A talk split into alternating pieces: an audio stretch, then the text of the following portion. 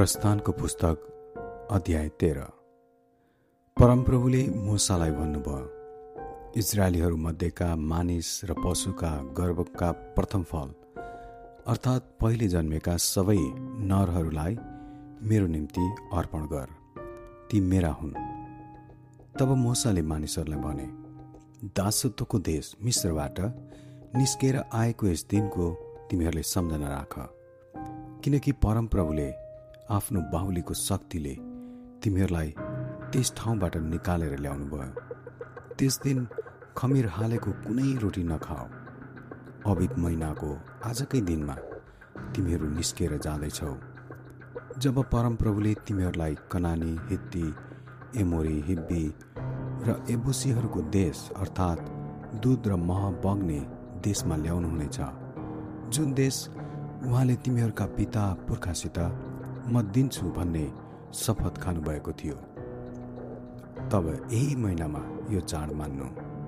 सात दिनसम्म तिमीहरूले अखमेरी रोटी खानु र सातौँ दिनमा चाहिँ परमेश्वरको निम्ति एउटा चाड मनाउनु।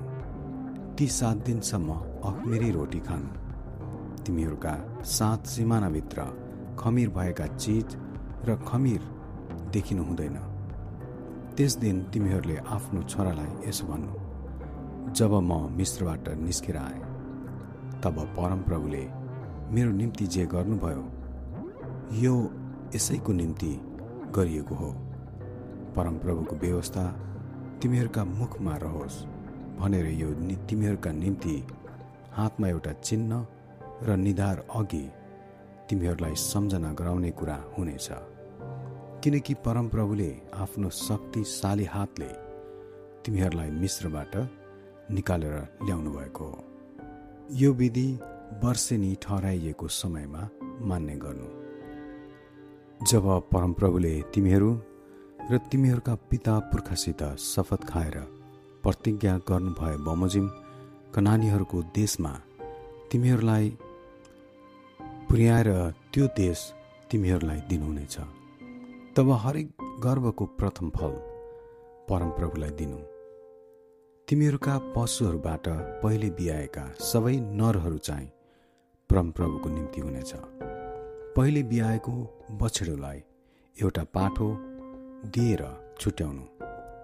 तर त्यो छुट्याएनौ भने त्यसको घाँटी भाँचिदिनु आफ्नो छोराहरूमध्ये जेठोलाई छुट्याउनु। जब भविष्यमा तिमीहरूको छोराहरूले तिमीहरूलाई यो के हो भनी सोध्छन् सोध्नेछ।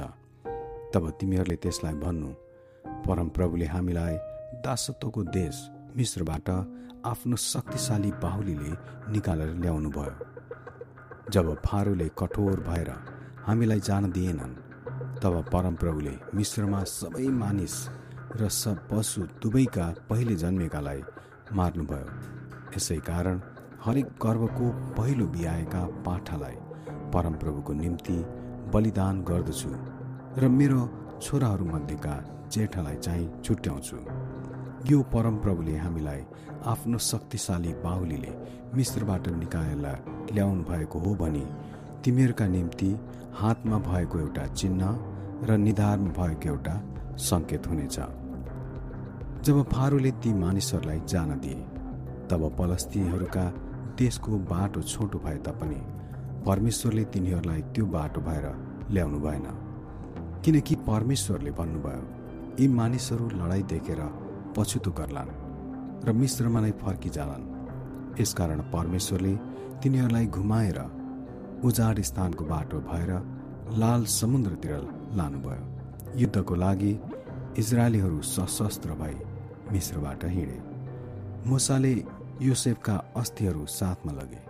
किनकि तिनले इजरायलीहरूलाई यस कुरामा यसो भनेर शपथ खाएका थिए।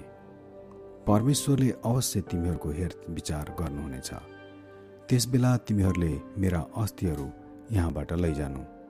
तिनीहरू सुक्कोतबाट गएपछि उजाड स्थानको नजिकै एथाममा डेरा बनाएर बास बसे अनि तिनीहरू रात दिन हिँड्न सकुन् भनेर तिनीहरूलाई बाटो देखाउनका निम्ति परमप्रभु दिनमा बादलको खामो र राति आगोको खामोमा तिनीहरूको अघि अघि जानुभयो। दिनमा बादलको खामो र राति आगोको खामा मानिसहरूका अघि अघि जान कहिल्यै छोडेन। आमेन।